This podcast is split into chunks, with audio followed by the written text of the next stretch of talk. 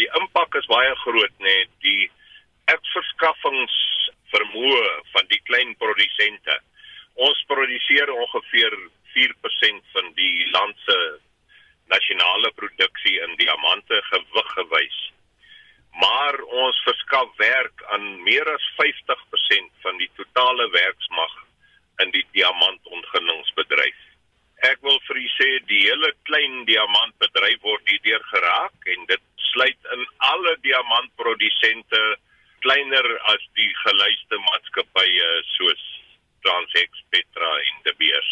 'n Regs- en beleidsanalis by Afrisake, Armand Gryiling, sê produsente het diamante by sogenaamde tenderhuise verkoop. Dit gee klein diamantprodusente die kans om internasionale kopers te ontmoet en hulle ongeslypte diamante teen markverwante pryse te verkoop. Die prentjie gaan nou verander. Jy moet nou gaan daarso waar die kopers is teen 'n hoë onkoste sê nou maar jou diamante nou vervoer en sovoorts jy moet dalk 10 teen nou nog sekuriteit nou ook uitneem vir in geval ietsie gebeur op jou pad sien toe dat as die goederes nou gesteel word en so voort. En wat basies nou gaan gebeur is ouens gaan of hulle of hulle bedryf net heeltemal staak of hulle gaan stadig maar seker uitgefaseer word en deur die groter ouens uitgekoop word. Greiling vermoed die departement van minerale sake wil die bedryf beter reguleer, maar betwyfel hulle metodes.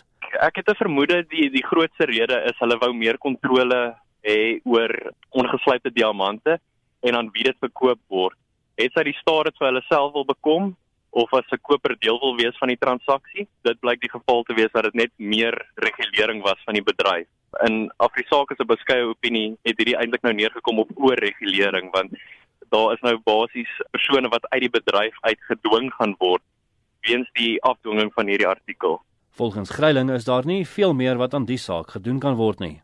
Ek is Justin Kennerly vir SAK nuus.